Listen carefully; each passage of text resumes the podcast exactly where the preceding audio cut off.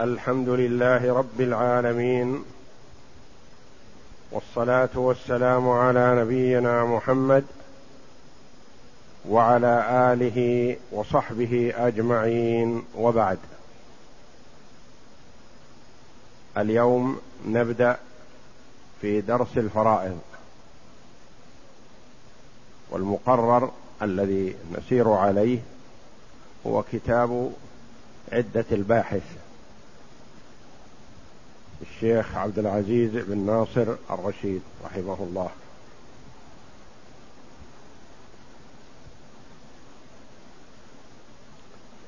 والفرائض جمع فريضة. قال العلماء لحقتها التاء. للنقل من المصدر إلى الاسم.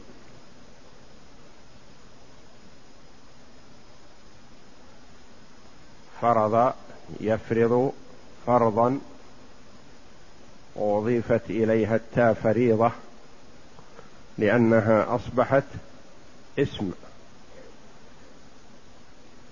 وككلمه فريضة وفرض يطلق على معان.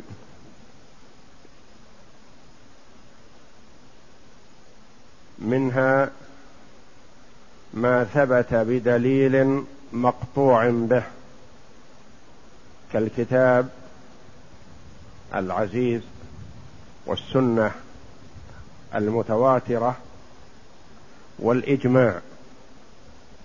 يقال لهذا فرض.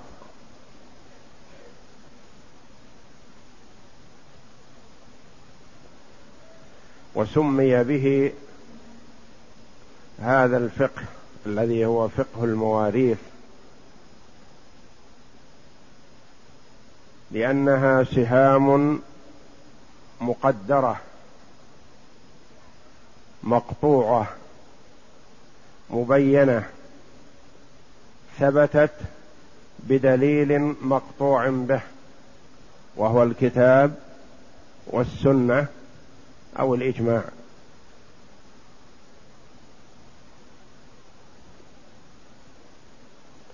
والله جل وعلا سماها بذلك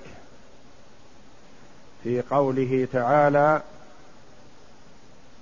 فريضة من الله. لما ذكر شيئا من السهام والعنصبة قال فريضة من الله إن الله كان عليما حكيما.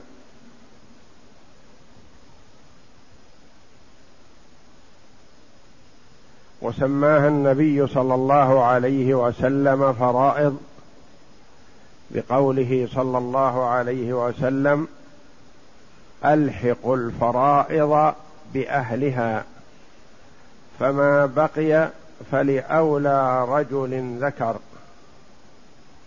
وقال صلى الله عليه وسلم في ثنائه على هذا العلم العلم ثلاثة وما سوى ذلك فهو فضل. آية محكمة وسنة قائمة وفريضة عادلة.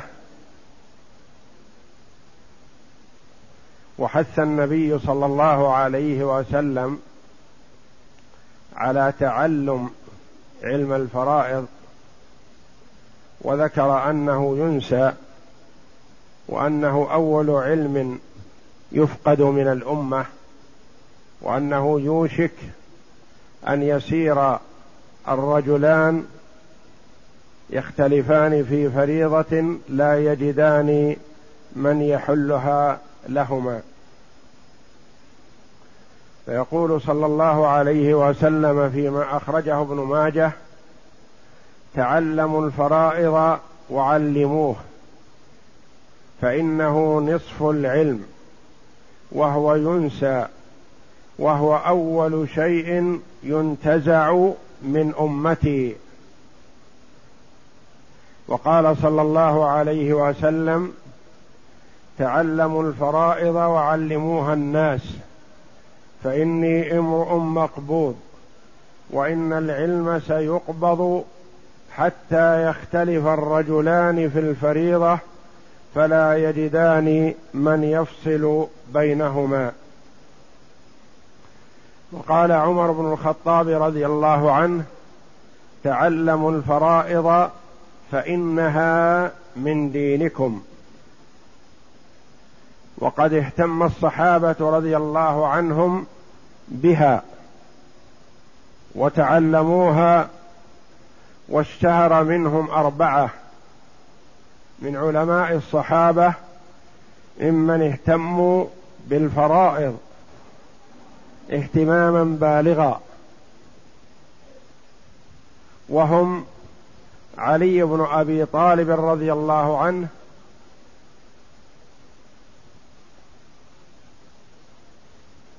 وعبد الله بن عباس وعبد الله بن مسعود وزيد بن ثابت رضي الله عنهم وأرضاهم. وقد شهد النبي صلى الله عليه وسلم لزيد بعلم الفرائض. فقال عليه الصلاة والسلام فيما رواه أحمد والترمذي أن النبي صلى الله عليه وسلم قال أرحم أمتي بأمتي أبو بكر وأشدها في دين الله عمر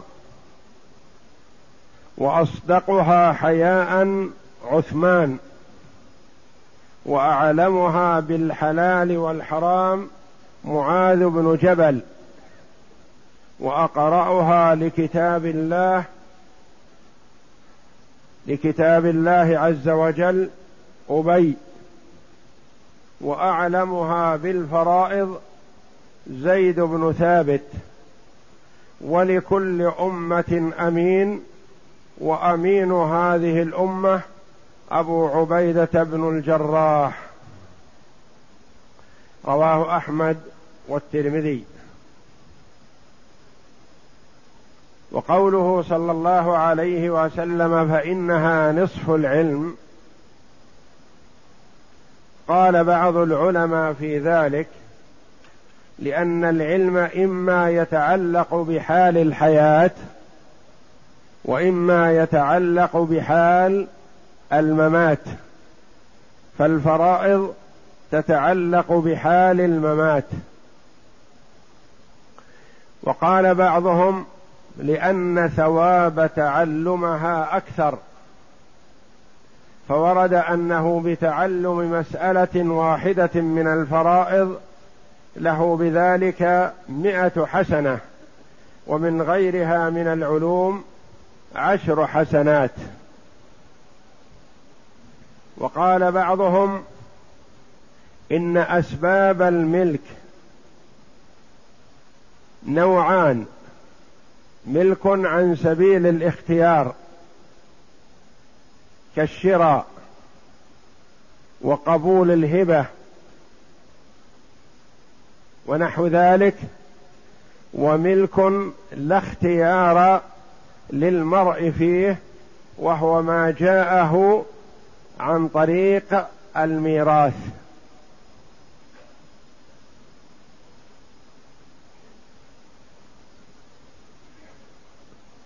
وعلم الفرائض من أجل العلوم وأفضلها لما فيه من إيصال ذوي الحقوق حقوقهم وهي سهلة ميسرة لمن وفقه الله جل وعلا وصعبة لمن حرم منها. لأن الله جل وعلا يوفق من شاء فيسهل له الدخول فيها والتعمق فيها. وذلك أنها محدودة المسائل. وليست كثيرة الشعب ولا كثيرة الخلاف. ومن الناس من يحرم من الوصول إليها فلا يدركها لسبب من الأسباب. وحكي أن الوليد بن مسلم رأى في منامه أنه دخل بستانا فأكل من جميع ثمره إلا العنب الأبيض. فقص هذه الرؤيا على شيخه الأوزاعي رحمه الله. فقال له تصيب من العلوم كلها إلا الفرائض فإنها جوهر العلم كما أن العنب الأبيض جوهر العنب. وروي عن النبي صلى الله عليه وسلم أنه قال من علم فريضة كان كمن أعتق عشر رقاب ومن قطع ميراثا قطع الله ميراثه من الجنة. فالثواب في تعلمها وتعليمها كما أمر الله جل وعلا وكما شرع رسوله صلى الله عليه وسلم عظيم. كما أن الخطر في الخطأ فيها فاحش. لأن فيه حرمان لصاحب الحق من حقه.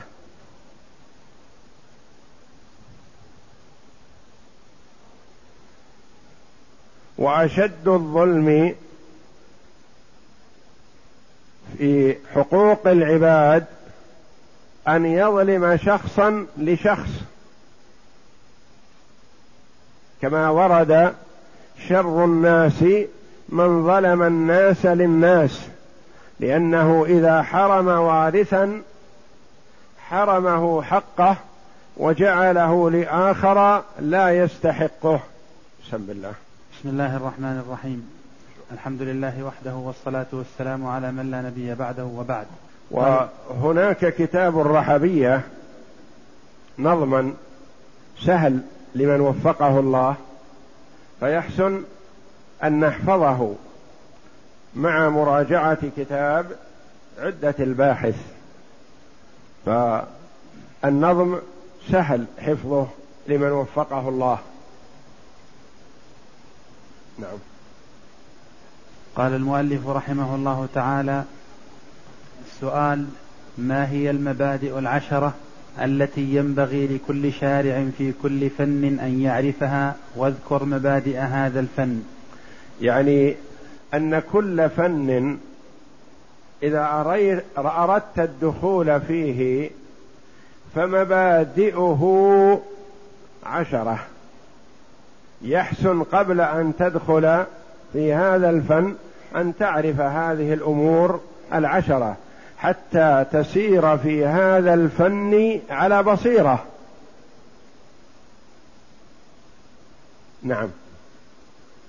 الجواب هي حد العلم وموضوع يعني أي علم إذا أردت أن تبدأ فيه تعرف حده. نعم. وموضوعه. وتعرف موضوعه. نعم. وثمرته. وتعرف ثمرته.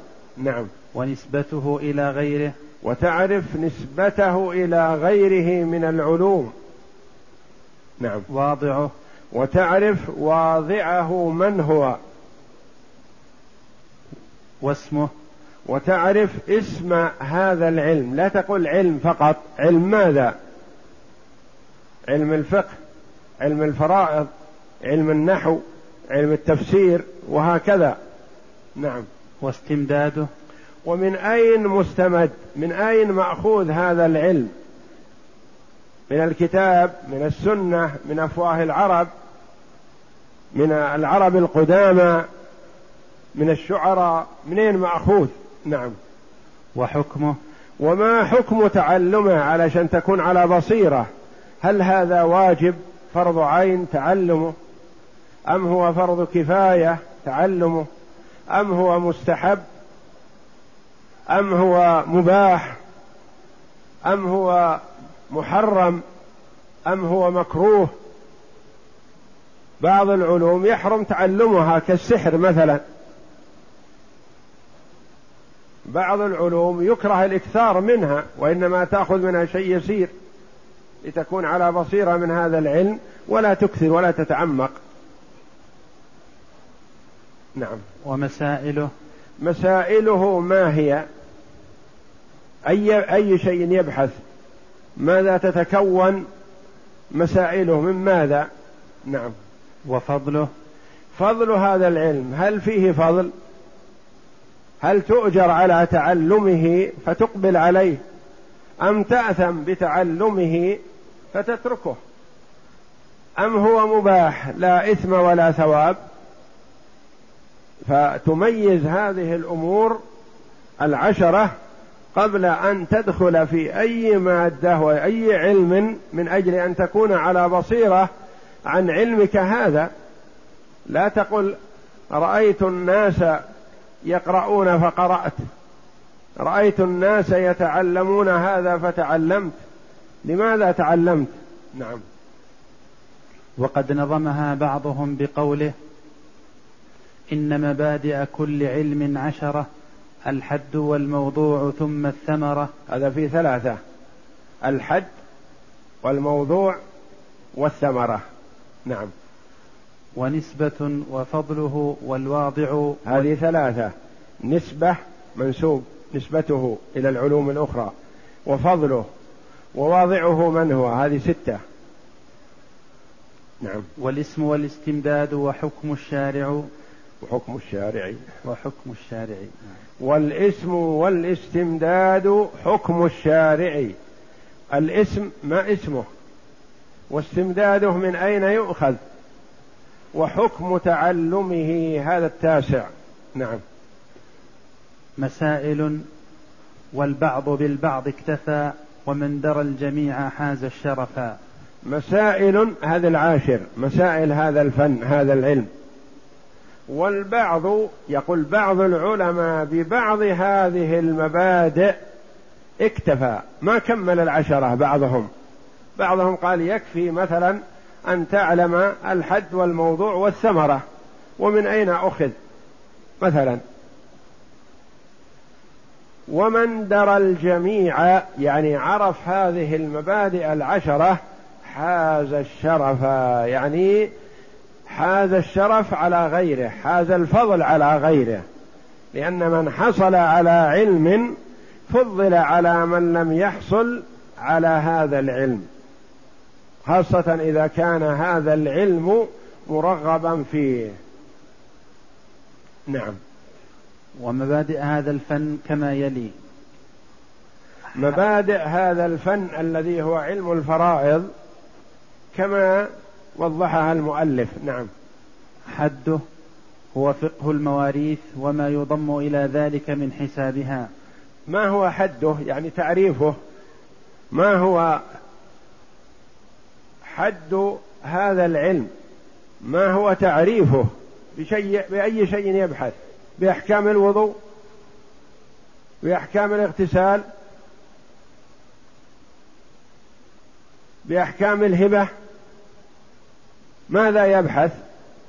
قال هو فقه المواريث. تعريف علم الفرائض هو فقه المواريث.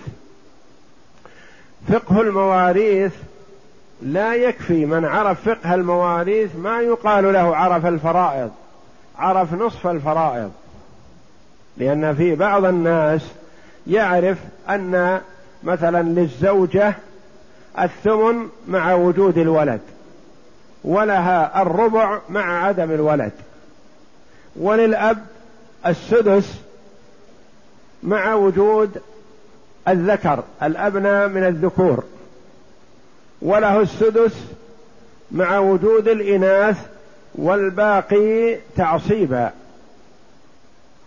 وله المال كله مع عدم الوارث سواه مثلا. وله الثلثان مع الأم وهكذا. فيعرف نصيب هذا الوارث لكن إذا قيل له اقسم هذه المسألة على هؤلاء الورثة ما عرف. يكون ما عرف الفرائض ما أداها كما هي. بل لا بد من فقه المواريث وما يضم إلى ذلك من حسابها كالتصحيح والتأصيل وقسمة التركة. وفرز الحسابات وبيانها. نعم. موضوعه التركات. موضوعه التركات. الموضوع الذي يبحث فيه هذا العلم بالتركة. إذا مات ميت وخلف تركة. لكن إذا كان الرجل يشتغل بماله هل نتدخل في ماله وهو حي؟ لا ما صار تركة إلى الآن. إذا مات ميت ولم يخلف مال مثلا هل ننشغل بالقسمة؟ نقول لو كان له مال لكان للزوجة كذا وللابن كذا وللبنت كذا لا. هو موضوع هذا العلم إذا وجد ميت له تركة له مال. أما حي له مال ما لنا دخل فيه. ميت لا مال له ماذا نقسم؟ فموضوعه التركات. نعم. وثمرته إيصال ذوي الحقوق حقوقهم. ثمرة هذا العلم ثمرة عظيمة. تعطي كل ذي حق حقه. لأن هذا مهم. لأن الله جل وعلا وكل لمحمد صلى الله عليه وسلم بيان الصلاة بيان مناسك الحج. قال عليه الصلاة والسلام خذوا عني مناسككم صلوا كما رأيتموني أصلي. وكل إليه تعليم الأمة كثيرا من العبادات. سوى الفرائض فالله جل وعلا لم يكل قسمتها إلى ملك مقرب ولا إلى نبي مرسل. تولى قسمتها بذاته. فإذا قسم المرء وأعطى كل ذي حق حقه كما قسم الله جل وعلا فتلك ثمرة عظيمة. وإذا أخل بشيء من ذلك فالويل له لأنه أخل بقسمة الله جل وعلا. فثمرة هذا العلم إيصال ذوي الحقوق حقوقهم. صاحب النصف تعطيه النصف صاحب الثمن تعطيها الثمن صاحب الثلث تعطيها الثلث ولا تعطيها الثلثين أو الربع. وهكذا كل صاحب حق أعطه حقه. نعم. نسبته إلى غيره أنه من العلوم الشرعية. نسبته إلى غيره لأن عندنا علوم لغوية عربية وعلوم جغرافية وعلوم شرعية. من أين علم الفرائض؟ من العلوم الشرعية. من العلوم التي يتقرب إلى الله جل وعلا بتعلمها. علم شرعي.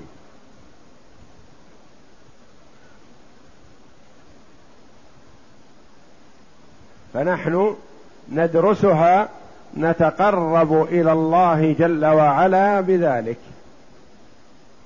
فمن جاء من قريب أو بعيد ليتعلم هذه المادة فهو موعود بالثواب الجزيل من الله جل وعلا في قوله صلى الله عليه وسلم من سلك طريقا يلتمس فيه علما سهل الله له به طريقا إلى الجنة. وقول صلى الله عليه وسلم من خرج في طلب العلم فهو في سبيل الله حتى يرجع. وطلب العلم لا يعدله شيء. لا قيام الليل ولا قراءة القرآن بدون فقه. طلب العلم لا يعدله شيء من العبادات.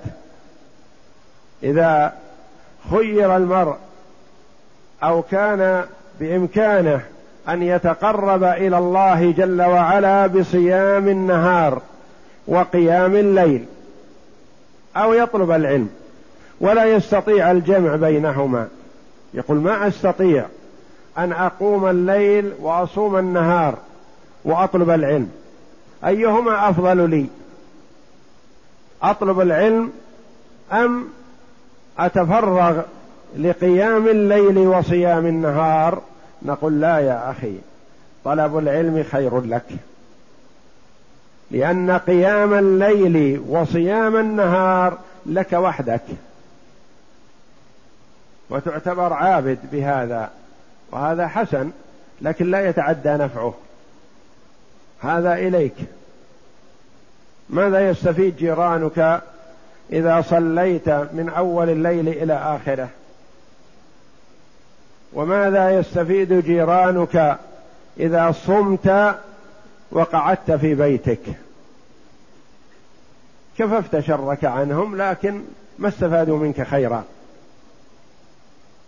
لكن إذا خرجت في طلب العلم وتعلمت نفعت هذا وآفدت هذا ووجهت هذا وأرشدت هذا ونصحت ذاك وأمرت بالمعروف عن بصيرة ونهيت عن المنكر عن بصيرة وهكذا صرت نور لنفسك ولمن حولك. استفاد منك كل من اتصل بك. لأنك على بصيرة على علم. تعبد الله على بصيرة وتوجه.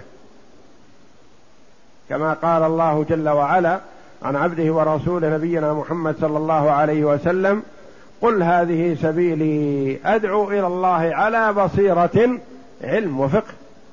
أنا ومن اتبعني.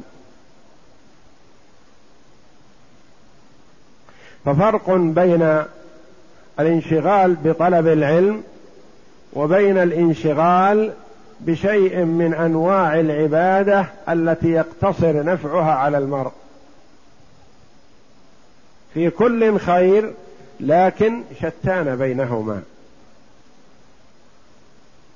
ولهذا قال العلماء من حبس نفسه على طلب العلم جاز أن يعطى من الزكاة. ومن حبس نفسه على العبادة لا يعطى من الزكاة. يقال له اخرج واشتغل واعمل واكسب واسترزق اطلب الرزق. ولا تجلس في بيتك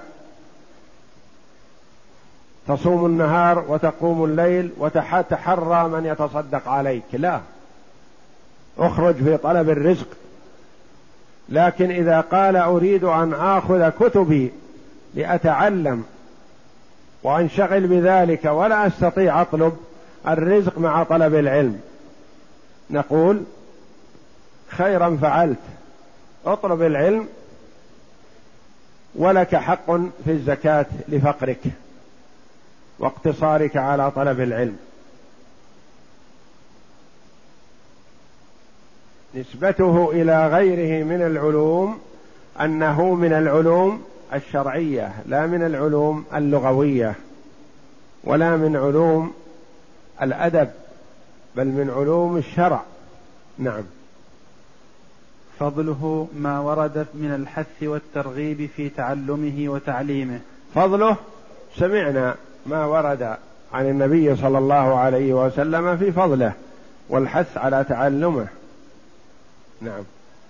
واضعه هو الله سبحانه وتعالى. واضعه من هو؟ هو الله جل وعلا. هو الذي بين في آيات المواريث في أول سورة النساء قسمة المواريث.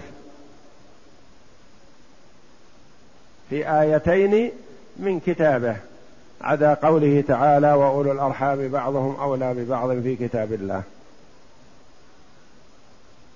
بين جل وعلا نصيب كل وارث فواضعه ومشرعه وفارضه هو الله جل وعلا.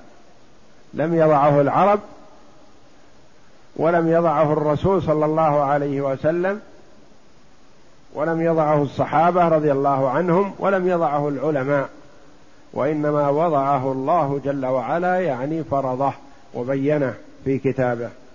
نعم. اسمه علم الفرائض. اسمه اسم هذا الفن علم الفرائض لأنه ورد في كتاب الله جل وعلا فريضة من الله. وورد قوله صلى الله عليه وسلم تعلموا الفرائض. والسنة والإجماع. استمداده. من أين هو مستمد أصوله ومسائله؟ من الكتاب العزيز والسنة الصحيحة المطهرة وإجماع المسلمين إجماع العلماء. نعم. حكمه فرض كفاية إذا قام به من يكفي سقط عن الباقين. حكمه فرض كفاية. فرض الكفاية هو فرض. لكن لا يجب على كل واحد بعينه.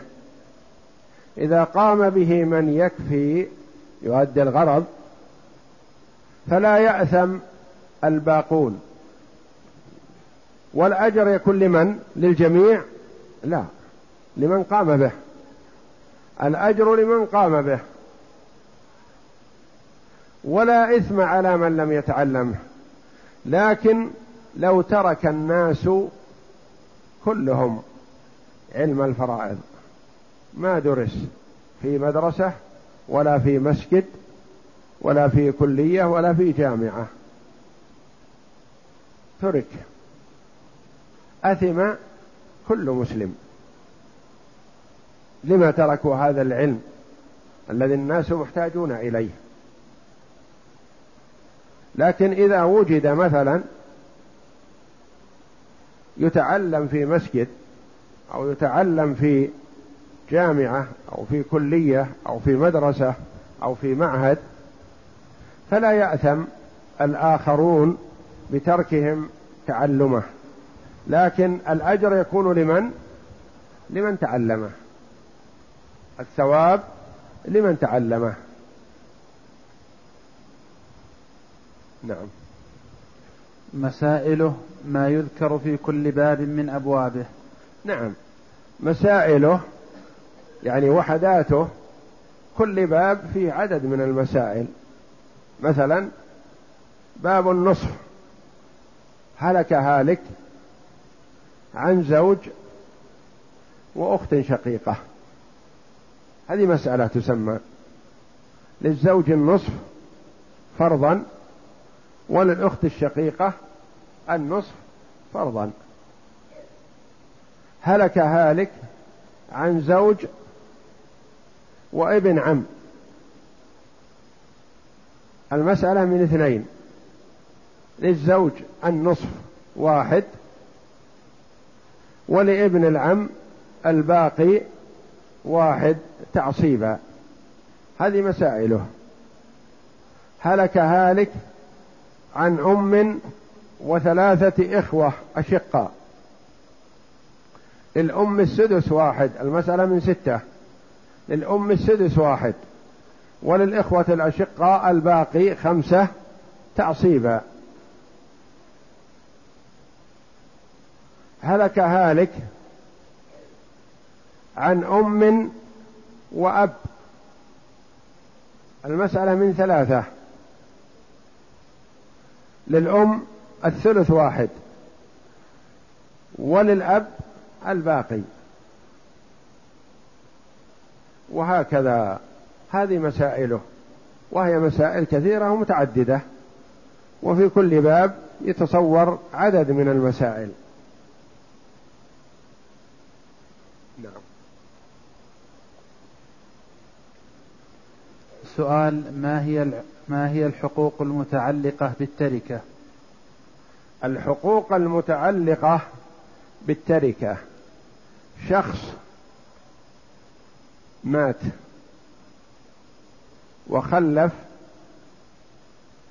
خمسة آلاف ريال. هذه التركة هذه التركة خمسة الآلاف يحتاج إلى مؤونة تجهيز. فيه دين. به رهن. دين. لا رهن به. عليه زكاة لم يؤدها. وصى بوصية. له أولاد بنون وبنات. وزوجات وأب وأم يريدون حقهم. هذه الحقوق المتعلقة بالتركة. هل نقول نبدأ بحق الأولاد والزوجات والأب والأم جبرا لخاطرهم حيث توفي عائلهم فنقسم التركة بينهم. لا. لو قسمنا التركة بينهم بقي ميتهم في دارهم. جاءنا أشخاص قالوا نحن نطالب هذا الميت لا تدفنونه حتى تعطونا حقنا. هل نعطيهم هذا المبلغ الذي عندنا؟ لا. جاءنا شخص آخر يقول أنا أوثق من أولئك أنا أطالبه بشيء عندي فيه رهن فأعطوني حقي من أجل أن أعطيكم رهنكم. جاء الثالث يقول إن كنتم تريدون تشييع ميتكم فأعطوني مبلغ لأحفر له قبر وأغسله. ويحتاج إلى كفن أريد أن أشتري له كفن. نقول له اصبر خل نسدد الديون. لا. نبدأ بالأهم فالأهم. ما هو الذي يتوقف على تشييع هذا الميت؟ لا ينبغي لجيفة مسلم أن تحبس بين ظهراني أهله. نريد أن ننجزه على الوجه الشرعي. نعطي حافر القبر ونعطي من يشتري الكفن ونعطي من يحمل أو يغسل إذا كان لم يوجد محتسب. إذا وجد محتسب فذلك أفضل لكن قد يتأتى زمان لا يوجد محتسب يقول أغسله بكذا أحفر القبر بكذا. أحمله بسيارتي إلى المقبرة بكذا. فماذا نعمل؟ هذه الحقوق المتعلقة بعين التركة خمسة. متعلقة بالتركة يعني كل يريد حقه من التركة.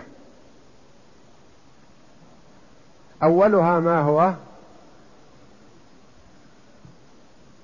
الأول مؤونة التجهيز. الأول نعم كمل. من كفن وأجرة حفر وأجرة حفر قبر وغسل ونحو ذلك فهي مقدمة على الحقوق المتعلقة بعين التركة عندنا خلافا للأئمة الثلاثة. رحم الله الجميع. المذهب الحنبلي يقول الأول مؤونة تجهيز هذا الميت جيفة عندنا ما نستطيع أن نتصرف وهو عندنا. ولا يتعلق به حق بنفسه. ننجزه نشيعه. ولا نتركه نعطي صاحب الحق الدين. نعطيه ونترك الميت في داره. لا. أول خطوة مؤونة التجهيز. مؤونة التجهيز من كفن وحفر قبر وحمل ونحو ذلك. هذا عندنا. وعند الأئمة الثلاثة رحم الله الجميع قالوا تسديد الدين المتعلق بعين التركة يعني دين به رهن أو دين متعلق برقبة الجاني ونحو ذلك. فعندنا مؤونة التجهيز مقدمة. وعندهم رحم الله الجميع قالوا نبدأ بالحقوق المتعلقة بعين التركة نخلصها حتى نصفي التركة. نعم. الثاني الحقوق المتعلقة بعين التركة كدين برهن وكأرش جناية متعلقة برقبة العبد الجاني. الثاني الحقوق المتعلقة بعين التركة. انظر الفرق بين هذا وبين العنوان الأعلى. الحقوق المتعلقة بالتركة الخمسة. لكن هذا الثاني الحقوق المتعلقة بعين التركة متعلقة بهذه العين. هذه تركة متعلق هذا الحق بها. قال كدين به رهن. دين به رهن. الرهن هذا ما هو؟ من عين التركة. هل نستطيع أن نتصرف به؟ بشيء. وصاحب الحق يطالب بدينه. لا يقول أنا لا أسلمكم هذه العين حتى تعطوني حقي. فإذا أعطيتموني حقي أعطيتكم الرهن فبيعوه وسددوا الحقوق الأخرى. دين به رهن. إيضاح ذلك شخص متوفى استقرض من صندوق التنمية العقاري مبلغ من المال. وعمر به هذا البيت. وهذا البيت مرهون للصندوق.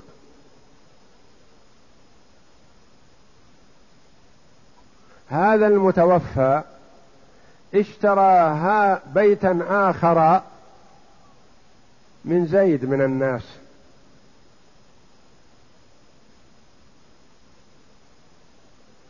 فهو مطالب بمائة ألف لصندوق التنمية. ومطالب بمائة ألف لزيد من الناس قيمة البيت الآخر. زيد ما رهن شيء باع عليه البيت بقيمة إلى أجل ولم يرهن شيء. صندوق التنمية أقرض قرضا بدون برهن بدون فائدة. قرضا حسن ورهن البيت. جئنا لنصفي التركة. جاءنا زيد يقول أنا أطالب ميتكم بمائة ألف. جاءنا صندوق التنمية قال أنا أطالب ميتكم بمائة ألف. نقول انتظروا بارك الله فيكم. نصفي التركة ونعطيكم حقوقكم.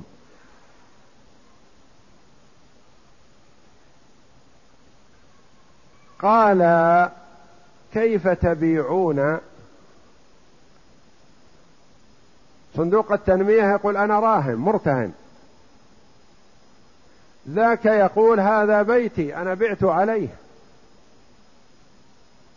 فنقول نعم صندوق التنمية لا يسوغ لنا أن نبيع ما ارتهنه حتى نسدد الحق. أما أنت فحقك ليس في بيتك يا زيد. ليس حقك في بيتك لم ترهن شيء. نصفي ثم نسدد ما في ذمة الرجل. أيهما المقدم حينئذ؟ الدين الذي به رهن وهو نصيب الصندوق.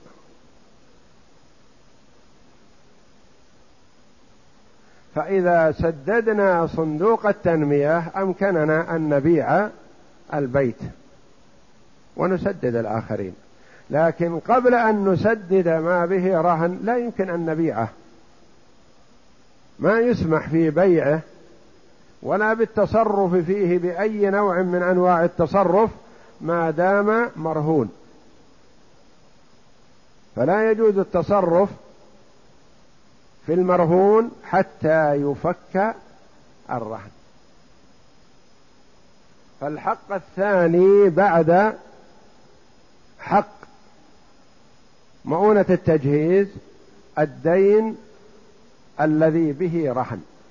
نعطي صندوق التنمية نصيبه ثم نبيع البيت ونسدد. واضح هذا؟ الصورة الثانية.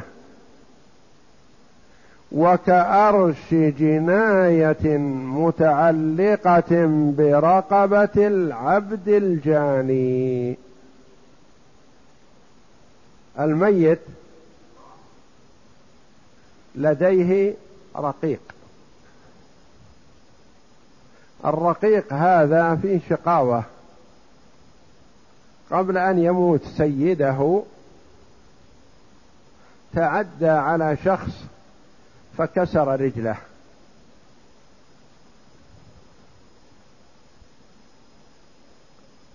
فجاءنا هذا الذي كسرت رجله.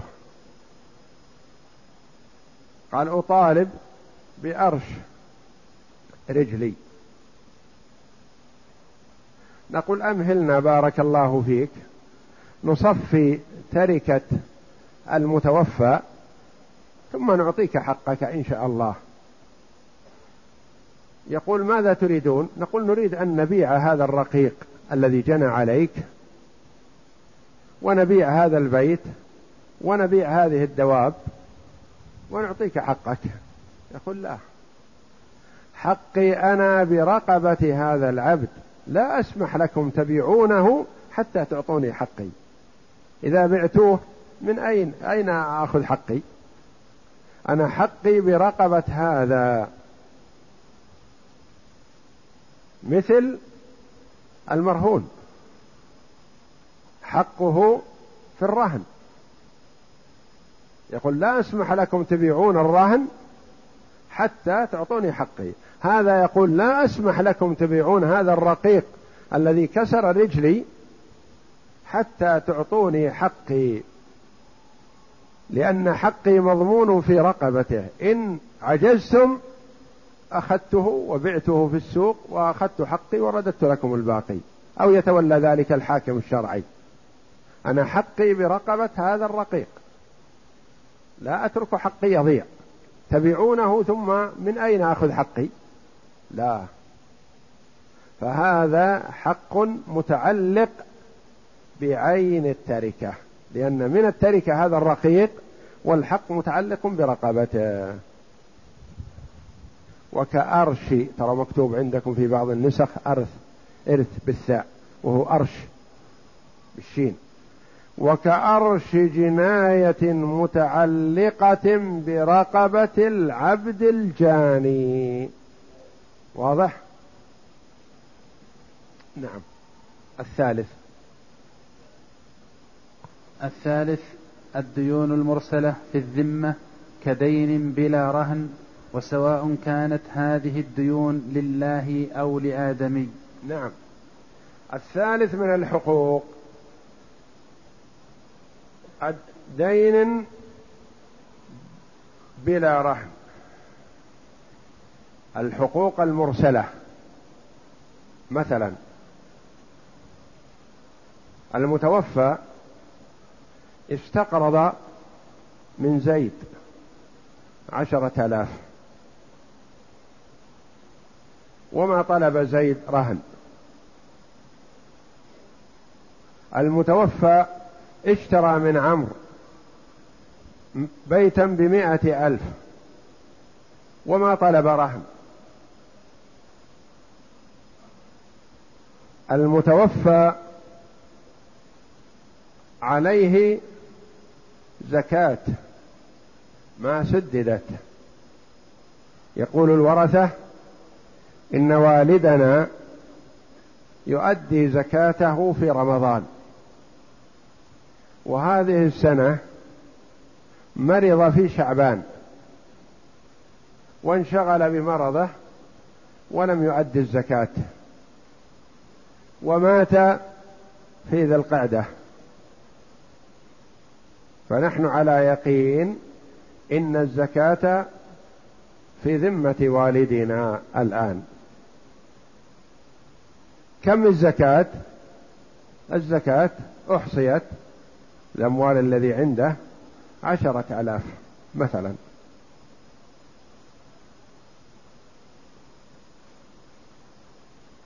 القرض الذي قلنا عشرة آلاف لمن؟ لزيد. البيت الذي قلنا بمائة ألف لمن؟ لعمر عشرة الآلاف التي هي زكاة لمن؟ لله جل وعلا حق من حقوق الله. كم الحقوق التي أصبحت عليها الآن؟ عشرة وعشرة ومائة مائة وعشرون ألف. هذه حقوق متعلقة بالتركة بلا رهن جاء زيد يقول أعطوني العشرة. جاء عمرو يقول أريد أن أخذ البيت. البيت بيتي وأنا بعته بمائة ألف. الآن أعطوني البيت. هذا بيتي. نقول لا لأن حقك متعلق بذمة المتوفى ما هو متعلق بالبيت. وأنت المقرض كذلك حقك متعلق بذمة المتوفى. جاء الفقراء قالوا حقنا حق الله جل وعلا أعطونا إياه. كان من عادته يعطينا في رمضان وما أعطانا شيء هذه السنة. فحقنا في ذمته نقول صح وهو حق الله. أصبح الدين الذي عليه مئة وعشرون ألف. والأولاد يصيحون يريدون ميراثهم من أبيهم. ماذا نعمل؟ جمعنا التركة فبعناها فصفت لنا ستين ألف فقط. البيت مشترى بمائة ألف لكن نزل. القرض استقرضه وأكله. ما عنده مال المال تلف بعضه والحقوق لزمت في ذمته. في ذمته كم؟ مئة وعشرون. التركة صفت ستين ألف. كيف نعمل بها؟ يقول صاحب البيت هذا هذه قيمة بيتي أعطوني إياه. نقول لا. ننظر بين الديون وبين الصافي الموجود عندنا. نجد على النصف نقول أنت يا صاحب القرض لك أقرضته عشرة آلاف خذ خمسة. وإذا يسر الله لأحد أولادها وأقاربه وأراد أن يبرئ ذمة مورثهم فلهم ذلك. لكن لا يلزمهم. خذ خمسة. نصف حقك. نقول لعمر صاحب البيت. أنت تطالبه بمائة ألف. وتركته كلها أصفت ستين ألف. خذ النصف. نصف المئة خمسين. نأتي للفقراء حق الله جل وعلا. نقول من عادته يعطيكم عشرة آلاف واللي في ذمته لكم عشرة آلاف. لكنه يمكن تساهل. يمكن ما تساهل ما ندري عن حاله. ذهب ماله بسبب تساهله بسبب استخفافه بالزكاة أو نحو ذلك لا ندري. فتلف كثير من ماله فأنتم خذوا النصف. يعطيكم خمسة اقتسموها. خمسة وخمسة وخمسين. جلس الأولاد ما لهم شيء. لأن هذه الديون تكون محاصة بينها. يقولون كيف أعطيتهم الأول صاحب القرض قرض صندوق التنمية؟ نقول لأن فيه رهن. كيف أعطيتم من كسرت رجله؟ أرش الرجل كامل. نقول لأنها متعلقة برقبة العبد. أولئك يقدمون والباقي يتحاصون. نعم. يعني سواء كانت هذه الحقوق والديون لله أو لآدمي. مثلنا بحق الله كالزكاة ومثل ذلك الكفارة. إذا علم أن عليه عتق رقبة مثلا ف أو إطعام ستين مسكين مثلا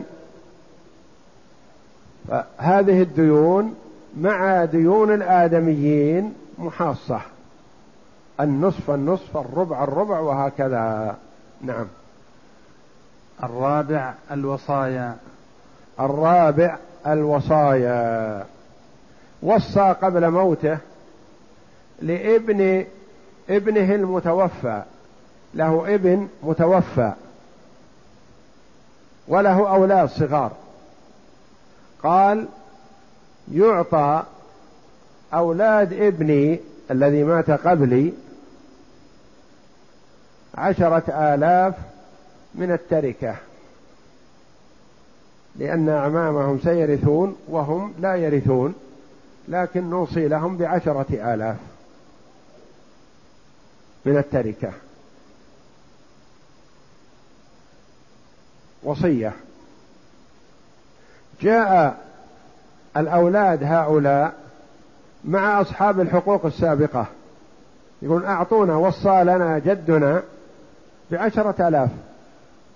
أعطونا نصيبنا. نقول لا أنتم بعد هؤلاء بعد أصحاب الديون. لأن الوصية ما ينظر فيها إلا بعد الدين. الدين مقدم على الوصية. إذا سددنا الديون وبقي مبلغ مثلا أعطيناكم وإلا ذهب حقكم. في الصورة الأولى مثلا كانت التركة بعدما صفيت بمئة وخمسين ألف. سددنا الديون السابقة كاملة. أعطينا صاحب العشرة عشرة وأعطينا صاحب العشرة الفقراء عشرة وأعطينا صاحب البيت مئة مئة وعشرين. كم بقي معنا من مئة وخمسين؟ ثلاثين ألف. نظرنا في الوصية. قلنا نعم تعالوا يا أهل الوصية. بقي من التركة ثلاثين ألف. قالوا أوصى لنا جدنا بعشرة آلاف. نعم. نرجع لأعمامهم. نقول هل ترضون نسلم هؤلاء عشرة آلاف؟ لا. نعطيهم العشرة لأنها بقدر الثلث فأقل ما خرجت عن الوصية المشروعة. نقول خذوا أيها الأيتام عشرة آلاف وعشرين ألف نقسمها بين الورثة. الرابع الوصايا. لسددنا الديون كاملة نظرنا في الوصايا. فإن كانت مما لا يرجع فيه أعطيناهم حقهم. كانت الوصايا أكثر من الثلث أو وصية لوارث رجعنا فيها للورثة. المثال السابق مثلا بعدما سددنا جميع الديون وجدنا الباقي عشرين ألف. سددنا الديون كلها. جاء أولاد الإبن الذي وصي لهم بعشرة آلاف قالوا الحمد لله بقي بقي عشرون ألف. وأبونا جدنا وصى لنا بعشرة أعطونا العشرة. نقول لا. إذا أعطيناكم العشرة أعطيناكم أكثر من الثلث. ننظر لأعمامكم وعماتكم. إن رضوا أعطيناكم العشرة. نقول للأعمام والعمات والورثة من زوجات وأمهات وغيرهم نقول ماذا تقولون؟ هل ترضون أن نعطي أولاد أخيكم المتوفى قبل أبيه عشرة آلاف التي وصى بها أبوكم لهم؟ يقولون نعم. لو لم يوصي لهم لا أعطيناهم من حقنا. فنحن راضون بأن تعطوهم عشرة آلاف كل ما وصى به له لهم جدهم. لأنهم في حاجة ونحن في غنى ولله الحمد. فنقول جزاكم الله خيرا ونعطي الأولاد الصغار العشرة الألاف ونقسم بين الورثة عشرة ألاف. قالوا لا نحن في حاجة وهم في حاجة. نحن عندنا أولاد وهم أولاد. فتعطونهم عشرة نجلس بدون شيء أو نقتسم كلنا عشرة؟ لا. ماذا ألا ترضون بتنفيذ هذه الوصية؟ قالوا لا لا نرضى بهذه الوصية لأن والدنا ظن أنه خلف أموال كثيرة فوصى لهم بعشرة وإلا فهو لا يفضلهم علينا. ولا نرضى بأن تزيدوهم عما يجب لهم شرعا. نقول إذن الواجب لهم شرعا هو الثلث ثلث العشرين فقط. أكثر من الثلث ما يصير. نعطيهم ثلث العشرين وثلثي العشرين نقسمها على الورثة.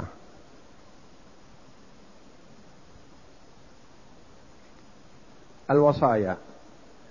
ثم بعد تنفيذ الوصايا نقسم التركة على الأب والأم والابن والبنت والزوج أو الزوجة. وهو الحق الخامس. إذا